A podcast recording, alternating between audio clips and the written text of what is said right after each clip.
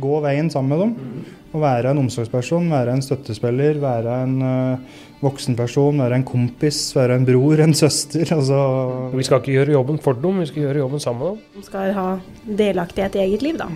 Og det er jo absolutt kjempeviktig idet du driver og blir voksen. For uh, idet du blir 18, så er du jo på en måte voksen. Men uh, vi skulle alle kanskje ønske, når vi ble 18, å ha en litt sånn kompis og støttesetter som har vært der før, da. Ikke være redd å stille ungene dine det spørsmålet. Eller gå og mistenke over lengre tid og bygge opp masse aggresjon eller uh, uvitenhet om hva som foregår om kvelden. Bare ta det med en gang. Du hører nå på Team Up podkast. Mitt navn er Espen Haug, og i et samarbeid med Team Up Helse AS har vi nå laga denne podkasten nettopp for deg. God fornøyelse.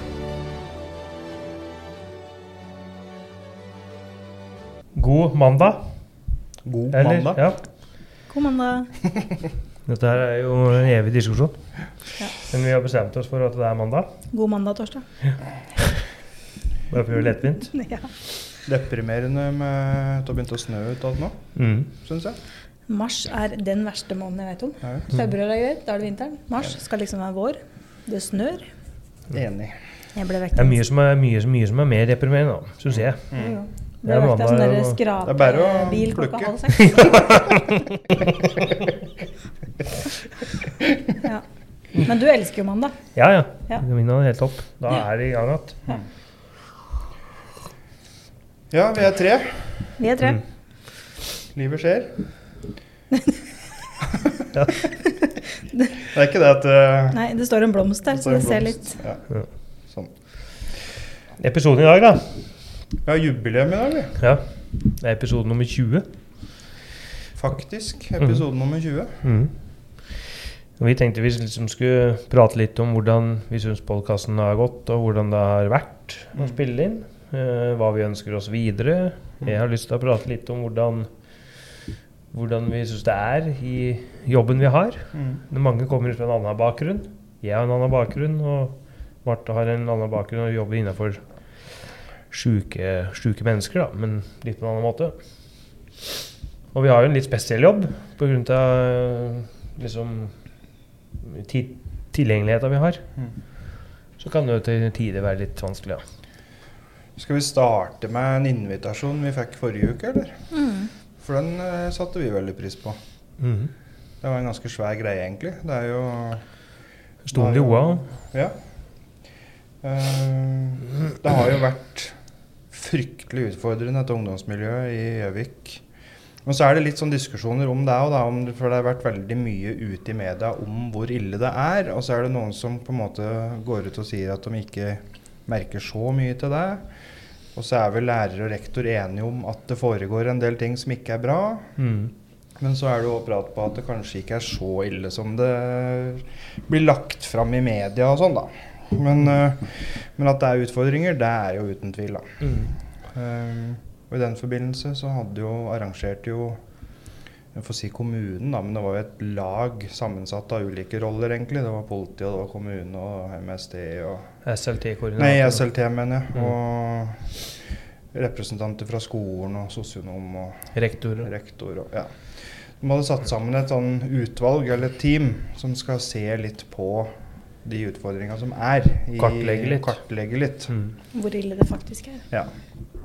Og da ble vi som privat aktør invitert inn i det, og det syns vi var veldig topp.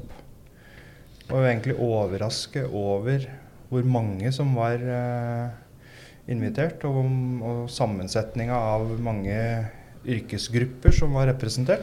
Ganske mange flere enn jeg hadde sett for meg, egentlig. Mm. Det var liksom alt fra togkonduktører til vektere på CC Mm. til ja. Og vi har jo liksom Vi går jo rundt med vår egen oppfatning av hvordan vi opplever rusmiljøet, da. Mm.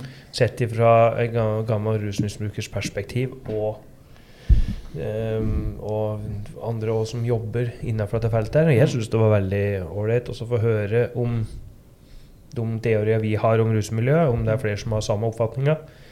Og kanskje få input på noe annet. Og det kan bli bedre hvordan vi jobber òg. Jeg liker i hvert fall oppsettet veldig godt. Altså, de hadde, vi ble jo satt i grupper. Hver Mm. vi var jo hver for oss, vi òg, i grupper. Men jeg, vi merka jo at de hadde satt sammen altså fire forskjellige yrkesgrupper på hver gruppe. Mm. Så det var liksom eh, representant fra skolen, og det var vekter, og det var oss fra, som jobber med ungdom og rus i det private, og det var Ansatte fra CEC. Ja.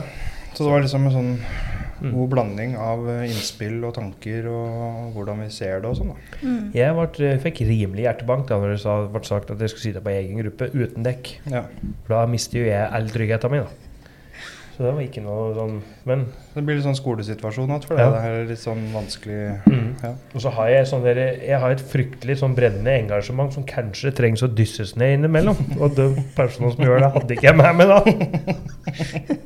Jeg må bare beklage for de satt på bord med meg hvis det ble litt voldsomt. Men det er, eh, jeg prata med en sånn eldre kar i, i går som har en ganske sånn derre en, en jobb som reiser verden rundt, og slik han er snart pensjonist. Mm. Så spurte henne liksom om hun hadde møtt på noen unge folk i, som, som hun følte hadde potensial for å ta over, som hadde Mm. kunnskapen nok. Mm. Og da får jeg til svar at det kunnskap, det kan læres, Mm. men engasjement er du født med. Det er jo et godt Ja, det syns jeg var fryktelig godt sagt, Mm. og det liksom tok jeg med meg i går. Mm. Og det mm, er litt med altså Har du brennende engasjement, så klarer du å skaffe deg kunnskap. Da jeg var litt sånn um, Hva skal jeg si um, Det som jeg syns var litt sånn uh, kjipt, det var at vi uh, um, Feltet, eller yrke- yrkesgruppen, den samlinga vi hadde, den var jo veldig godt representert. Mm. Og så skulle de ha en samling på aftan Mm. der ungdomma sjøl kunne melde seg på, og pårørende. Mm. Og der var ikke så god oppslutning. Det kom vel to ungdommer og Mm. ti foreldre eller noe sånt. Ja, jeg husker ikke hvor mange det var. Tror det var to ungdommer i hvert fall, og så var det, tror det var ti foreldre. Og det var jo plass til 150-200 i det rommet. Ja, så vi var jo vet du, fader, 60 stykker eller noe sånt, Det mens de kom mange. med fire, holdt jeg på å si. Ja. Så Det var vel sånn ca. ti på hvert bord, og så var det i hvert fall ni-ti bord. var det ikke? Mm. Det var nesten 100 stykker. Mm. Men det bekymrer meg litt at ungdommen sjøl på en måte men, men da er vi tilbake til dette der med, med skam og sånn, tror jeg. Eller jeg tror denne der ters terskelen for å møte opp på noe sånt. Mm. Da innrømmer du eller viser du at du har et problem, på en måte. Ja, og jeg, jeg, kan, jeg kan kjenne at det er, kan skjønne det. Men jeg håper da at vi, vi altså verden da, Uh, utvikler seg på så mange områder. Mm. Jeg føler at liksom, vi må utvikle oss litt på dette her òg. Vi må liksom, vi må tørre, ja. Mm. For det er jo, er jo så tabubelagt. Du så denne åpne dagen vi hadde òg. Det jeg mange flere som kunne satt sikkert hjemme som kunne tenkt seg å komme. Mm. Jeg tenker også, altså, Det er litt sånn samfunnsproblem òg. Mm. At selv om du ikke har en ungdom som sliter, eller ikke sliter sjøl, så kunne du møtt opp Mm. for å vise en interesse i byen du bor i. da. For det er, jo, det er jo byen til alle oss. Mm. Så du, alle bør jo ha en interesse på hvordan det går, og hvordan du har lyst til at den skal se ut framover. Så, så lurer jeg litt på, er det, er det vi voksne som er så jævlig bekymret og, og ser masse ting som vi ønsker å gjøre noe med, og så tenker ikke ungdommen sjøl at det er noe problem? Det er òg litt skremmende, egentlig. Mm. Sånn, er det, er vi, står vi så langt ifra hverandre at vi på en måte som jobber med det og står på utsida, ser problemet, mens ungdommen tenker sånn Nei, det er Det er vel litt eh, det det utvalget skal finne ut av og kartlegge. fordi selv om det står i OA, så er det sånn hvem i OA er det som sitter med fasiten? Mm. Hva er det de legger bak det de skriver? Mm. Er det, har de hørt det fra én person, eller har de sett det? Har de Ja. hørt rykter? Altså hva er det som ligger Mm. bak den reportasjen, da? Mm. Og det var et av spørsmålene som jeg hadde òg. Mm. Liksom. Jeg spurte liksom på bordet mitt da, om, om Det blir så mye skriveri om dette er miljøet på stasjonen. Mm. Så spør jeg hva er, hva, hva er bakgrunnen for det? Mm. Hva er bakgrunnen for at du beskriver om? Er det fordi at det blir deale der? Er det fordi folk, ungdommen sitter åpenlyst og ruser seg nedpå der? Mm. Hva, hva definerer Fordi hvis politiet stopper en ungdom nedpå der, så har han jo lov til å ha et eget bruk på seg. Mm. Og hvorfor blir de ikke tøvet inn? Mm. De blir jo tøvet inn hvis de hadde hatt mer enn til eget bruk, altså til dealing, da. Så dealing, det er liksom Mm. Foregår der, eller får sitter sitte med seg? Mm. For det er ikke helt min oppfatning av at, at ungdom eh, sitter ute og ruser seg åpenlyst på en offentlig plass. Ja, da forandrer det seg litt. du må trekke litt inn i leiligheter, og Ja. vi, har jo, vi er jo kjent med en del adresser mm. og litt sånne ting. Så, men at det foregår nedpå der, det, Ja, det er er- jo så naive kan vi ikke være at vi ikke nei. finnes, men for det gjør det. Men, Mm. men jeg tror at det er vel så mye rundt om i belasta adresser og Mm. hybler og leiligheter og, Mm. Og de tinga der, da. Men det er jo fint at det utvalget da er utnevnt og skal kartlegge det litt, fordi det er jo Vi vet jo ikke. OA vet jo ikke. Men det har jo blitt en sånn skriveri, og så tror jeg kanskje det blir blussa opp litt, igjen, og så Mm. veit man jo ikke. Jeg tror det er større sjanse for politiet å få tøve inn noen ved å gå på dum belasta Adresse. ja. Mm. Fordi der, eh, ettersom vi her har erfart, så flyter det over. Der oppbevares det. Ja, Mm. Der er det plater med hasj, og der er det Mm. 100 gram kokain, og der er det ja, mye Så- forskjellig. Mm. Men det er interessant også å få, få kartlagt det. Men jeg tror at vi har en vei å gå i forhold til holdninger til ungdommen og sånn. fordi at hvis de ikke syns det er viktig, Mm. eller de ikke ser på det som noe problem, Mm. at de trenger å møte opp og ta tak i det, eller å ha en mening om det, Mm. så har vi en jobb å gjøre i forhold til holdning, holdningsendring. Og det er å bevisstgjøre dem på, på det som har blitt naturlig i gåsetegn nå, da, med Mm. rusbruk og de tinga Så der. jeg tror det er for lite informasjon. Eh, jeg, var, jeg beit meg om Nå har jo jeg plukka opp mye forskjellig, men én ting til som jeg liksom syns var veldig bra sagt. Det er at foreldre kan gå til en ungdom og så peke på den og så si det at du mm, Å ruse deg er ikke bra. Men ungdom vet jo ikke hvorfor. Ikke sant? Hva, er ska, hva er skaden av det? Hva, er, liksom, hva kan skje med deg? Og, og sånne ting. For det, jeg tror det er for lite informasjon både til foreldre og til ungdom. Mm. Fordi rusen i mange andre land, se på hasj f.eks., den blir jo lov, lovlig. Du kan jo fint sitte på gata og så ta en hasj. Altså, og det blir fryktelig mye i media om at det er brukt til medisinsk bruk og alt dette der. Men ehm, det stopper jo liksom utviklingen i kognitivt og likt. Altså, det, er jo, det er jo masse. Du blir inaktiv, og du er utsatt for psykiske lidelser, og du, Mm. det er kognitiv svikt, og det er liksom Du blir glemsk. Altså, det er mange ting der lista er lang. Giddiaslaus, og du blir Ja. glemsk, og det er, det er så mye bivirkninger. Så jeg skulle ønske, jeg skulle ønske at det kanskje eks-rusmisbrukere og sånn, at, de, at det kunne vært, vært lagt inn i læreplan helt ned i 11-12-årsalderen. At det er foredrag to unger i året. Hvor det sitter folk som har erfaring med dette, som har til skadetale. Som sitter og forklarer hva er det det egentlig gjør. Og det er også et opplegg som jeg syns foreldre skal være med på. For det er nyttig å få med seg, det er nyttig for foreldre å vite, litt informasjon rundt det. Og det snakka vi jo mye på på det her seminaret, at foreldre, foreldre i dag har ofte liksom mista litt grepet. At de, det er ikke de som bestemmer hjemme lenger, sånn som det var før. Sånn respekt og høflighet. Og det er så mye som har gått litt bort. Mm. For det er så mange foreldre som er mer interessert i å være bestevenn enn å være forelder. Mm. Og det er ikke samme greia. Rollene har blitt viska De har liksom nesten blitt bytta om på i mange hjem, da. Mm. Mm. At det er mange foreldre som nå sliter når da barna blir til ungdommer og får respekt. Men uh, du må jo på en måte begynne hjemme. Mm. Mm, det er jo der det er. altså Fra barna er små fram før du begynner på skolen. Mm.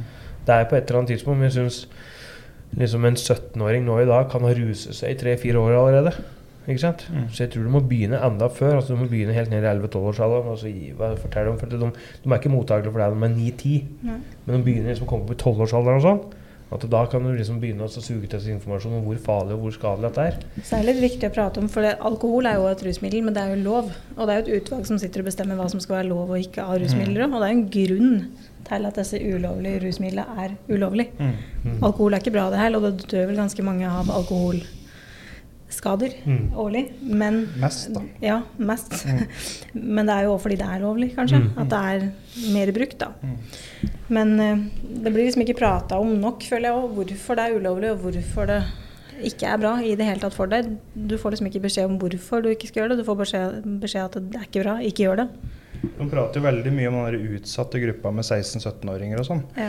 Men jeg mener jo at de, mange av de 16-17-åringene som er i dette miljøet der nå, de er etablert allerede som de- dopdealere. Og, og så det er ikke da de begynner. De begynner i 13-14-årsalderen. Mm. Og så er de etablert i dette miljøet egentlig når de er 16-17-18. Mm. Da har de begynt å selge, da har de fått seg inn på en eller annen posisjon.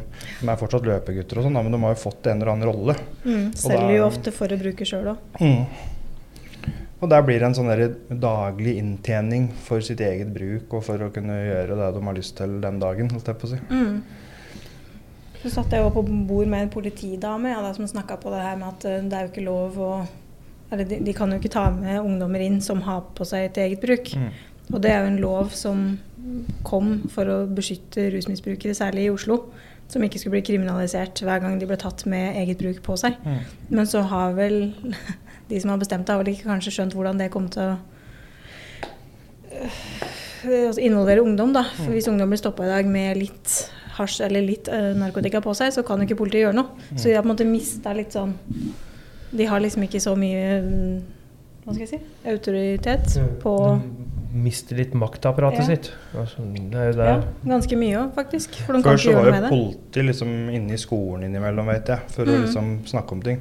Men nå er det litt sånn uh, to litt sånn motstridende greier med det, syns jeg. Mm. For, at, eh, for det første, så hvis politiet kommer inn i skolen for å gi opplysning, så er det et maktapparat som kommer inn, som ungdommer slitt litt med å forholde seg til. Mm. Og på en annen side, når politiet kommer inn nå, så har de mista litt av makta i Ja, tillegg. For de har ikke Så den makta lenger. ungdom har ikke den respekten for politiet lenger. For de, de har nesten lært seg, eller veit, hvordan de skal operere for å ikke bli tatt Mm. med små nok mengder på seg og til eget bruk og sånn. Så liksom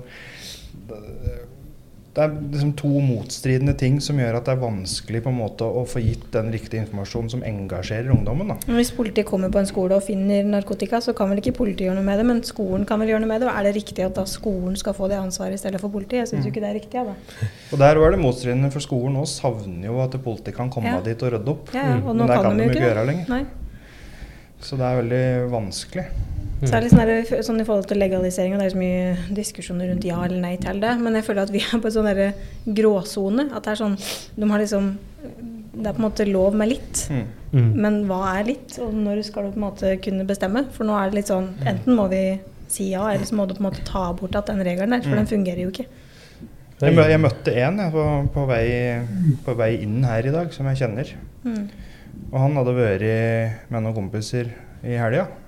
Og han øh, bruker jo ikke noe sjøl, si, men han var liksom sittet bare hjemme sånn med kompiser. Og så plutselig hadde liksom et par av kompisene gått inn på do Mm. og kommet ut og liksom snufsa litt på vei ut. Og han liksom bare Hva faen, øh, hva er det dere driver med, liksom? Nei, ingenting, liksom. Mm. Og det, det har vært så vanlig, så han bare Ja, men drit i dette, da. Liksom. Mm. Altså, vi sitter her bare med noen kompiser og, og slapper av, liksom. Mm. Men det er liksom blitt så vanlig at folk liksom bare sitter hjemme og ser på film, og så går de på do og bare Ja. Holdninga, hvor er holdninga, liksom? Eller hva Og så sier de at det er liksom, alderen blir helt ned i 13-14-årsalderen og sånn. mm. Jeg har jo ikke noe fasit på det, men jeg tror det er mye av det som blir styrt av redsel og frykt. Mm. At det er mye av de eng- eh, eldre som klarer å, å, å mm, skremme dem, rett og slett. True dem og skremme dem. Mm. Jeg tror det handler liksom om hvem som gir informasjon, og hva slags informasjon som blir gitt. Da. For Hvis du kommer på skolen og skal snakke om langtidskonsekvenser og langtidseffekter av rus, så tenker en ungdom på 16-17 år bare sånn «Åh, Ja. Dette orker jeg ikke, dette, kan, klare- dette forholder jeg meg ikke til. Jeg er 16-17 og lever som bang bang hele helga. Hva, hva som skjer med meg når jeg er 40 år, det driter vel jeg i, liksom. Mm. Det er, altså, du må, jeg tror du må snakke om den der her og nå-situasjonen og liksom øh, gi den riktige type informasjon og være litt sånn ærlig. da. Mm. Med at du liksom vi skjønner liksom litt hvorfor dette her oppstår, eller hva dere driver med. Men samtidig så Hva gjør dette her med hverdagen din her og nå? liksom, Mm. Hva gjør dette her med familieforholdet ditt? Og hva gjør dette med deg som bror? Åssen påvirker det skoleprestasjonene dine nå? Og så liksom snakke om den der holdningsendringa. For det er ingen unge i dag vet du, som klarer å forholde seg til konsekvenser hva som skal skje om 20 år. og sånn. Mm. Kanskje du har dødd utpå noe, du er bikker 30 liksom, eller skylder penger, eller, men det er, de tenker at det skjer jo ikke. På det samme dialogmøtet da, så begynte med å vise en musikkvideo. Og jeg må, jeg må bare innrømme at jeg ble tatt litt på senga der. fordi når ble det greit i Norge at alle sanger synger om kokain og rus og snakker om jenter som horer, og det er liksom vi er tilbake på steinaldernivå. Når lot vi det gå igjennom, på en måte? Altså, når ble det greit? Når ble det Ja, når ble det radio, greit? Og liksom. det tenkte jeg med meg sjøl, at det er jo sanger jeg hører på i bilen og sitter og synger med på, og så innser du ikke helt hva teksta sier. Nei. Men hvis du begynner å google det, så er det jo helt sjukt. Og når er det, når er For du det- jaller med på refrenget, Ja, og så tenker når- du gå over. Før så var russesanger i forhold til, til i mai, på en måte. Da var det bare i mai, og da var det litt sånn grovt språk. Men nå så er det liksom rølpemusikk og sånne stygge sanger har jo tatt helt over. Altså Står du på VG-lista med tiåringen din, så synger de liksom Det er om kokain, og det er rus, og det er horer, Hvor full liksom kan du bli, hvor- og ja, hvor ja. mange kan du ha sex med? Ja, og det er sånn der derre hva, hva faen? Hva er det vi driver med, liksom? Det er jo et nasjonalt problem blitt. For det går jo til og med P4, det går på alle radiokanaler unntatt P1, kan jeg tenke meg. Mm. Og når er det greit? Fordi underbevisstheten din blir jo Noen radiosjefer eller noen myndigheter eller noen må Ja. jo ha noe med å gjøre hva som er lov å si, Ja. eller hva, som, hva, hva du kan spre ut For du til folket. romantiserer jo eh, narkotika, og det er jo sånn Det er jo ikke kult å ta kokain, for du er en narkoman. Mm. Det, er, det er ikke kult, det, og det kan fucke så mange eh, resten av livet, liksom. Mm. Så når ble det greit? Det, Ja, tar helt av. ja. Ja, det er vanskelig. altså Du kjemper imot ganske harde krefter. da. Ja. Eh, Når du snakker om radio og TV og serier og liksom dette, som alle ser på, alle ja hører sånn på. alle- mainstream media, de tjener jo så mye penger på det, alle som lager det Vi blir hjernevaska av det. Ja, blir det. Jeg er også irritert. Jeg glemmer meg noen ganger når vi skal på tur f.eks. med unga jeg har dem i bilen. Så sitter de og styrer musikken. Og så sitter jeg liksom litt i min egen verden, og så plutselig så kommer jeg på hva er det faen de synger om her, egentlig. Ja. Så sitter liksom ungene mine og synger med. Og det begynner i barnehagen, altså. Ja. Det er liksom, altså jeg husker min eldste sønn kom og hadde hørt på Tix i barnehagen. Og så er det sånn Det er ikke den styggeste sangen man har hørt på, men hvis de da kommer hjem og har lyst til å sette på Tix, da, og så begynner de å liksom fortsette Blæser litt bakover. Ja, Det er litt sånn Det tar ikke lang tid før du er på den verste da, på en måte. Det er, det er så sammensatt problem, dette her. At, Det er en eh, stor oppgave å skal liksom gå inn i skolen og fortelle dem noe. Når resten av hverdagen deres handler om eh, noe helt annet. Mm. Og så skal du konkurrere mot det. I forhold, for at du, blir, du så jo så mye frø Ja. i hverdagen. Eller du lever jo i det hele tida. mm, Mm. Så det er vanskelig å jobbe imot disse kreftene. Da. mm. Og med musikk også vet jeg at eh, jeg husker, Det var kjøreskolelæreren min som sa det at eh, det er forska ganske mye på hva musikk gjør med humøret ditt. At hvis du har en dårlig dag Mm. og hører på skikkelig mørke, tunge sanger, da blir det, på en måte, da blir det bare verre. Mm. Og hvis du hører på liksom skikkelig raske sanger når du kjører bil, blant annet, så er det forska på at da kjører du mye fortere Mm. enn hvis du hører på rolige sanger. Mm. Og da kan du tenke seg hva dette her gjør mm, i forhold til språk, da. Mm. Når det er så grovt språk i sanger, hva det gjør med oss. Mm. Men hvem altså Det sitter jo, som du sa i stad, sånne radiokanaler som er folkelige i utgangspunktet. Ja. Hva er det som gjør er det, går det kun, er det økonomi, lyttertall altså, Hva er det som gjør at vi liksom at dette er greit? Altså, det, Det er jo ikke greit å gå på gata og si det til noen som du får høre på radioen. holdt jeg på å si. Ja. Nei, det, er, og det er jo på Allsang på grensen, og det er på VG-lista, og det er liksom Det er jo Mm. alle Og det er jo noe med underbevisstheten din fanger jo det opp Ja, ja. uansett. Mm. Hvis du hører et ord mange nok ganger i en sang, Mm. så blir det automatisk ord du bruker. Mm. Uten at du vet ikke hvor det kommer ifra. Nei. Fordi det er bare underbevisstheten som har fanga det opp. Det er jo det samme som reklame gjør med deg. At det er ikke sikkert du går og kjøper noe du ser på reklame første gangen, men hvis du har sett den reklama 20 ganger og begynner Mm. å høre at sanger og sånn, Mm. så underbevisstheten din gjør jo at du da kanskje kjøper den tingen. Mm. Uten at du egentlig tenker over det sjøl. Det er jo kjempeskummelt da for ungdommen, særlig. da. Når jeg merker at jeg òg blir jo, Mm. blir jo påvirka av det òg.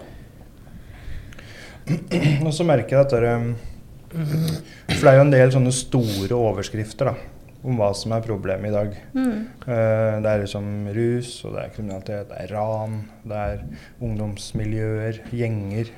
Det er en del sånne store overskrifter. da. Og så ser jeg at eh, når ungdommer kommer inn til oss, da, så ja, det er disse store overskriftene. Men det er Det ligger så mye bak da, som er usnakka. Mm. Altså, jeg er i hvert fall, Vi har pratet på det litt før òg, men når ungdommer kommer inn til oss, da, så kommer de inn med bestilling. på en måte. Ja, han har rusutfordringer, nei, han har dårlig nettverk.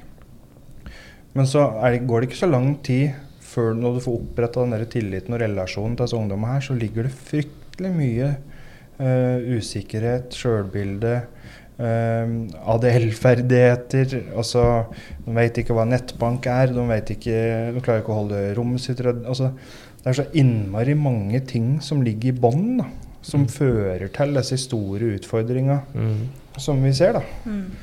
Det er så, den der mentale helsa sånn, som folk er så innmari gode til å dekke over. Eller fremstå fungerende, eller fremstå som at de Du, du, du får fram bare noen digre overskrifter. Ja. Og så er det fryktelig mye da, Vi har snakka med noe barnevern om det som sier at uh, ja, men dette er, denne problematikken her var litt mer omfattende enn det vi hadde sett for oss. Ja. For det blir avdekka i f.eks. rapporter vi sender, eller Mm. Mm. for vi som lever med dem sånn i hverdagen som vi gjør. da. Kommer jo ganske tett innpå dem. Ja. Det har jo skjedd ganske mange ganger, og at barnevernet har sagt at disse ungdommene ikke har sagt noe særlig. Mm. At de først begynner å snakke når de kommer i kontakt med oss og får litt tillit til oss Mm. eller andre. Mm. For der står den der skammen sterkt jeg. Ja. Den derre- det å innrømme at du ikke klarer å sette på en vaskemaskin, eller Mm. ikke klarer å betale regning, eller ikke veit åssen du skal koke poteter. Ja. Eller, Mm. og det er mange sånne ting som du feiler på i hverdagen for deg sjøl, Mm. som, som fører til at du får dårlig sjøltillit, dårlig sjølbilde, og føler at du f- feiler, rett og slett. Da. Mm. Mm. Og da begynner du å ta dårlige valg eller gjøre andre ting som er dårlig for deg sjøl, fordi du gir opp eller du får ikke til, og du føler at du liksom ikke mestrer. Og. Så det er ganske komplekst, mange av de sakene som, Mm. som vi får inn. Da. Mm. Absolutt. Det er det. Ja, Dette der er, eh, vi kommer jo aldri til å få stopp på eh, dopbruken. Altså det, vi får jo aldri stoppa det helt. Det kommer aldri til å bli borte fra jorda, liksom. Men uh, det går an å forhåpentligvis få berge de som vil ut av det. Og uh, informere de som står i det, som ikke har lyst, Mm. om konsekvensavtale. Mm.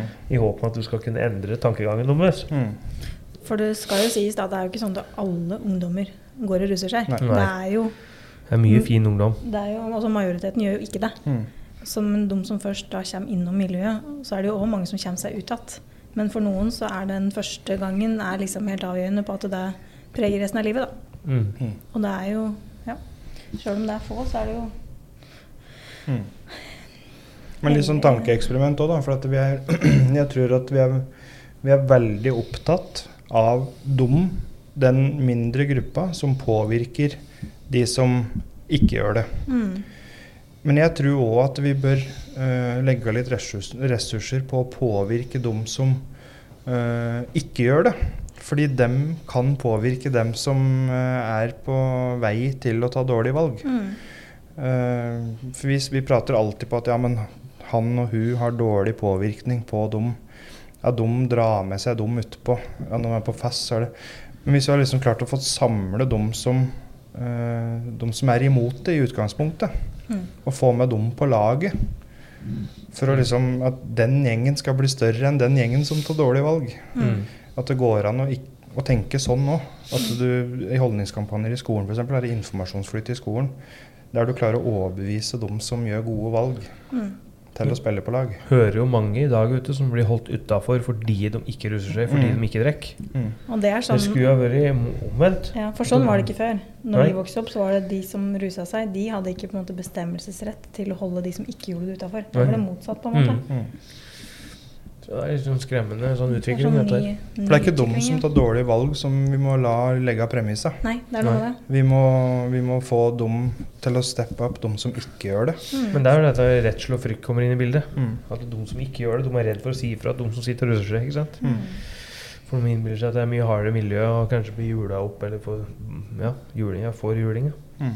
Så er det jævla vondt av å ha en kompis eller venninne som sliter, og så veit du ikke helt åssen du skal hjelpe, og så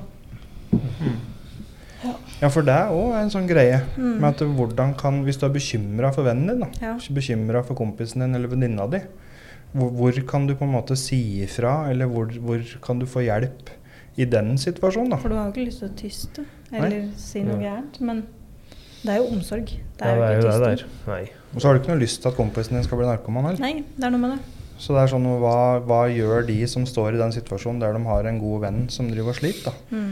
Hva bør de gjøre for noe? Mm. Kan de gå og prate med liksom, helsesykepleier, eller kan de kontakte oss, eller kan de Hvor er uh, Hvor skal de henvende seg? Jeg tenker at Det fins jo så mange forskjellige plasser du kan henvende deg, og det kan være hvem som helst. Bare mm. en du stoler på. Det kan være en nabo, det kan være en foresatt, det kan være en kamerat, det kan være sykepleier, som det heter. Altså legen din. Det kan være hvem som helst. Eller en hjelpetelefon. De er jo anonyme. Mm. Så det viktigste er bare å si det til en annen person, så ikke du sitter med ansvaret alene. Mm. Tenker jeg. Og det er ikke tysting, det er jo omsorg. Mm. Så det er liksom bare å snu det rundt. Da, at det er jo det er du som gjør noe bra hvis du sier ifra. Det er ikke Mm. sånn at du ødelegger for den som allerede har ødelagt for seg sjøl. måte. For det, du prøver å hjelpe. Mm. Så du må liksom snu den rundt, føler jeg.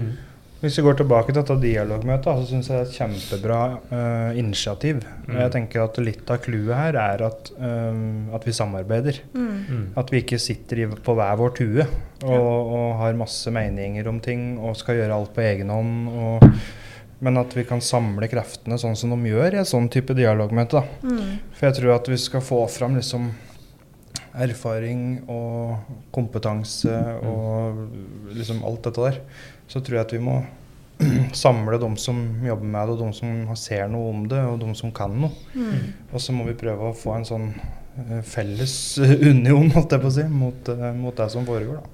Og så terskel òg, hvis det er foreldre som ser liksom, ungene og andre foreldre som sliter, så liksom pr- bare prate om det òg. Ta det opp og, og si at jeg ser han har det vanskelig. Liksom. Har han sagt noe hjemme, eller Mm. Det bør være greit å gjøre det. Mm. Jeg tror foreldra trenger en del sånne eh, sånn informasjon. Ja. Mm. For de kan ikke noe mer om rusdom enn uh, ungdommene sine gjør. Holdt jeg på å si. det, er, eh, det er mye uvitenhet der òg. Hvilke signaler kan vi se etter? Åssen dialog skal jeg ha? Åssen kommunikasjon skal jeg ha med barna mine? Hva er faresignalet, Hva bør jeg se etter? Mm. Foreldre og tror jeg trenger en del informasjon. Mm. Mm. Så vet jeg Forebyggende enhet i politiet er veldig opptatt av at eh, hva gjør du hvis du ser et annet barn ruse seg? Om du bare går videre, eller om du tar tak i det og liksom reiser hjem. For det er ikke sikkert at foreldre vet om det i det hele tatt. Mm. At vi skal bry oss litt mer om hverandre, da, ikke vårt eget barn bare. At liksom, hvis du kjenner alle foreldre i klassa, så er det litt lettere å liksom Mm. hjelpe nabogutten da, hvis han sliter, på en måte. Mm. At vi skal bry oss om hverandre. Og det tror jeg går opp igjen litt. At eh, folk er så opptatt av seg og sine at de Jeg tror samfunnet går så jævlig fort for tida. Ja. Ja. Der begge foreldre er ute i karrierer. Og mm, det er tidstyver overalt, og hverdagen blir bare slukt i en Mm. sånn derre Uh, Så jeg tror den der litt sånn gammeldagse tankegangen med at en spiser middag sammen og får prata om ting og sånn, den er liksom borte. Mm. Og så bare møtes du i døra, eller så må du kaste innpå noe middag, få dem på trening her og der, og, og ting bare flyter. Mm. Så jeg tror som familie kanskje mangler disse møtepunktene, denne Mm. kommunikasjonen som er så viktig for å Mm. få fulgt opp. da. Ja, Mm. Absolutt. Så det er mange ting. Men jeg, når jeg åpne dagen vi hadde òg Mm. Det var eh, en mor og en sønn der som gjorde ganske sterkt Ja. inntrykk. Mm. Uh, gikk liksom på slutten av Nå har jeg lyst til å si noe om det, men på slutten av åpne dagen, og det kom ei mor opp trappa som var ganske Hva skal vi si? Eh, prege. Mm. Og hadde en ungdom ute i bilen som ikke ville være med inn. Der vi, Mats, måtte gå ut. Mm. Og liksom når du ser folk krype opp trappa med de utfordringene, og hverdagen er så tung og vanskelig, og det er utfordringer og rus og miljø, mobbing og utenforskap Mm. Fy fader, for å tøffe de var, altså, Mm. som Ja, kom det er jeg. dit. Mm. Jeg syns det var ordentlig tøft gjort. Mm. Mm. Det Det krever mye mot. Mm. Det Det gjør det. jeg er ikke sikker på om jeg klarte å gjøre det sjøl. Nei. Dukker opp i en sånn setting. Og de, de er på en måte forbilder for mange. Det er Mm. kjempetøft gjort. Så- Så hovedbudskapet her er altså dialogmøte og sånn, nå, som det er, var åpent overfor ungdom og foreldre. Eh, bli med og dukke opp på sånne ting, for det er masse informasjon å få. Masse informasjon å hente. Mm. Og vi òg kommer til å stille opp med åpne dager etter hvert. Eh, hvor vi stiller opp sjøl. Så jeg, jeg råder folk til å stille opp og bli med på sånne ting. Altså, for det, om de ikke har et problem med å eh, Vis engasjement. Ja, og så bare kom for å få informasjon. Mm. Jeg tror det er viktig. Ja, det er på tide at vi setter av litt tid og prioriterer litt sånn uh, Ja. Litt sånne ting. Hjelpe hverandre. Få Mm. et samfunn som hjelper hverandre. Altså, det, er, det er mangel på det, altså. Jo flere vi er, jo bedre ligger vi an til å få gjort noen endringer, i Mm. hvert fall. Mm. Absolutt. Så det er um, Men vi er på episode 20 i dag, da. Mm. Vi har vært igjennom en del temaer. Det har vært litt det er en interessant reise dette det er òg. Ja, og så kanskje det er noen som lytter hjemme som, som syns at noen temaer har vært Mm. mer interessante enn andre, som Mm. de kanskje vil ha en ny runde på. Så um, vi har jo noen spørsmål og sånn som har uh, kommet inn i tidligere episoder. Mm. Vi håper at det er flere har lyst til å stille spørsmål, gjerne anonymt. Og, og liksom, eh, er det noen temaer dere ønsker vi skal ta opp igjen? Er det noen temaer vi ønsker vi skal prate mer om? Eh, så har vi jo planlagt at det skal komme noen gjester. Mm. Litt mer kjente fjes, forhåpentligvis. Vi har jo fått uh, tilslag på en par spennende gjester nå som, Mm. uh, som har sagt ja til å komme. Og det er folk som folk kjenner til, og som Mm. har sterke meninger om ting. Og som er kloke, og som har mye bra å si. Mm. Eh, og så har vi en par tanker om at vi skal turnere ut litt og besøke en par uh, podkaststudioer eh, litt rundt omkring. eh, for å komme oss litt ut på veien, vi òg, og, og spre budskapet litt utafor Mm. disse veggene her. Så det er noen sånne spennende planer på det framover. Mm.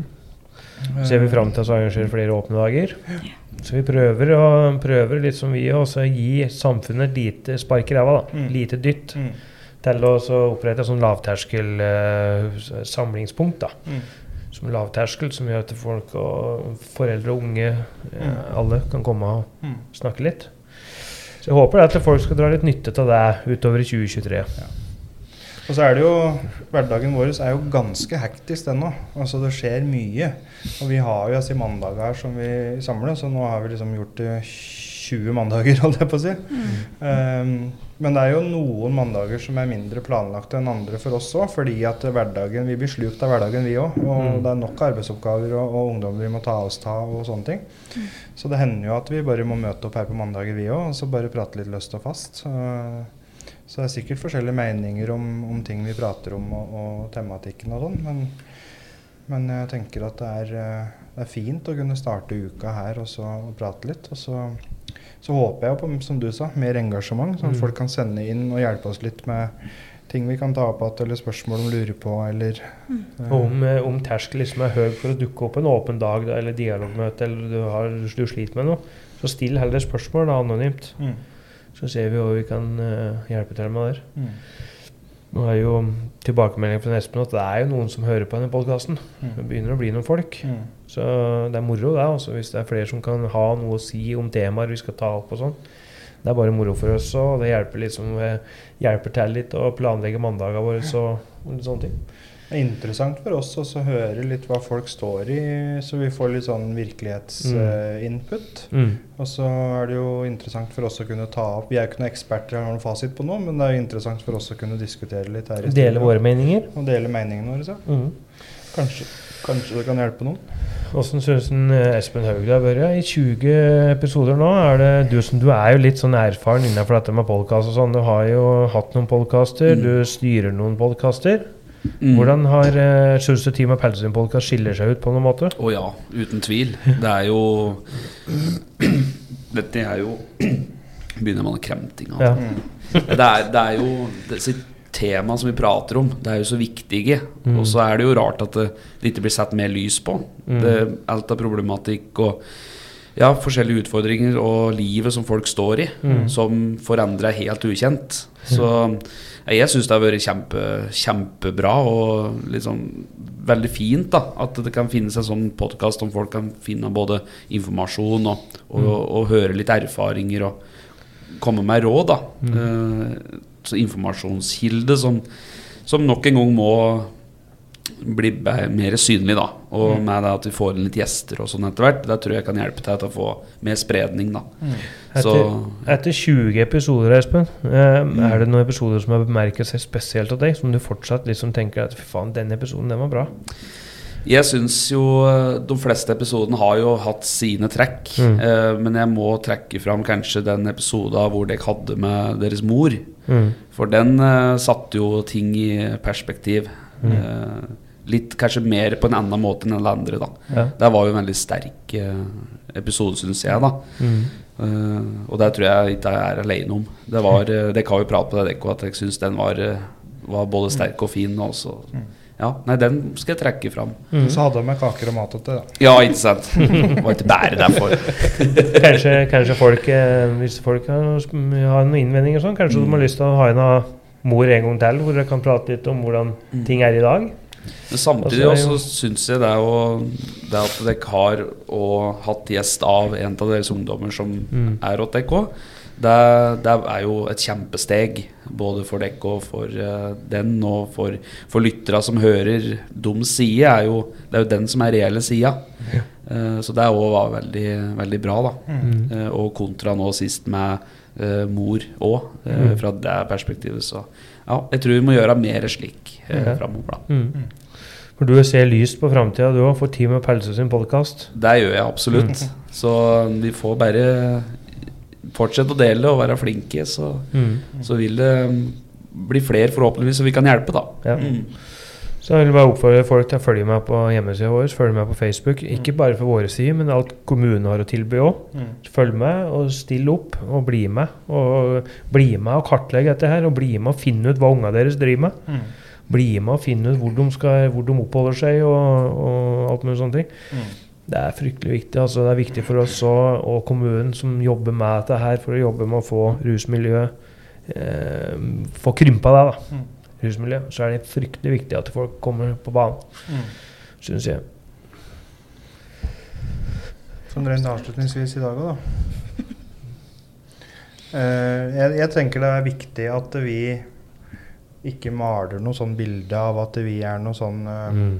Eh, kan fikse alt som er. Og jeg, jeg tror det er viktig for oss å si noe om at hverdagene våre går opp og ned, og at vi står i mye problematikk som er utrolig vanskelig. Mm. Og i det så skjønner vi foreldre og pårørende, og ikke minst ungdommen sjøl, hvor vanskelig dette er. Og, og vi er heller ikke noen trollmenn trollkvinner holdt jeg si, som kan uh, bare knipse i fingra og ordne opp i ting, men vi er iallfall veldig engasjerte.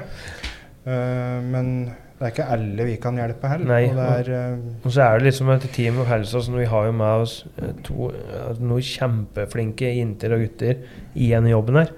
Og det er jo en gang blitt sånn at selv om jeg og Lars starter Team of Helse, og liksom folk forbinder Team of Helse med oss to, så skal det sånn sies det at vi står i mange situasjoner i hverdagslivet vi, hvor vi er tyrt av de andre også som jobber i Team of Helse. mm, Så det er viktig at, det, at det er folk som sitter hjemme òg, altså selv om de ikke sitter på en kunnskap, så kan du hente inn kunnskapen fra andre, for det er det vi gjør òg. mm, Dette er et helt team som jobber med for å finne det beste tilbudet for våre ungdommer. mm, Og, og dette er så eh, Vi diskuterer så mye og prater så mye sammen mm, eh, for å finne den beste løsningen på ting. mm. Og der er ikke eh, Der kan vi ikke utnevne noen som er mer eh, og flinkere på det enn noen andre. For der er vi Vi òg søker veldig mye kunnskap og informasjon ellers. Mm. Og vi det er er et team. Ja, Vi er et kjempeteam. Mm. Og det er samme med dialoggreien som var nå. Mm. Så innhenter vi kunnskaper fra alle andre. Vi kommer ikke dit som eksperter, noen av oss. Lønner seg å ansette folk som er flinkere enn seg sjøl, vet du. Ja. Ja, men det er sånn at Sammen er vi sterkere, og vi er jo gode på hver vår ting, men vi er dårlige på hver vår ting òg. Mm. Så så lenge du løfter fram hverandre og samarbeider, tenker jeg, og det gjelder kommunen, og det gjelder det private, og det gjelder, det gjelder alle. Mm. At hvis alle vil det samme, Mm. så hvorfor ikke bare jobbe mot Mm. et mål sammen, da? I stedet for at alle skal liksom ja, sitte i hver Så sitt håper jeg jo at folk liksom At vi kan benytte oss av hverandre, og at, eh, at vi kan hente det som trengs eh, der det fins.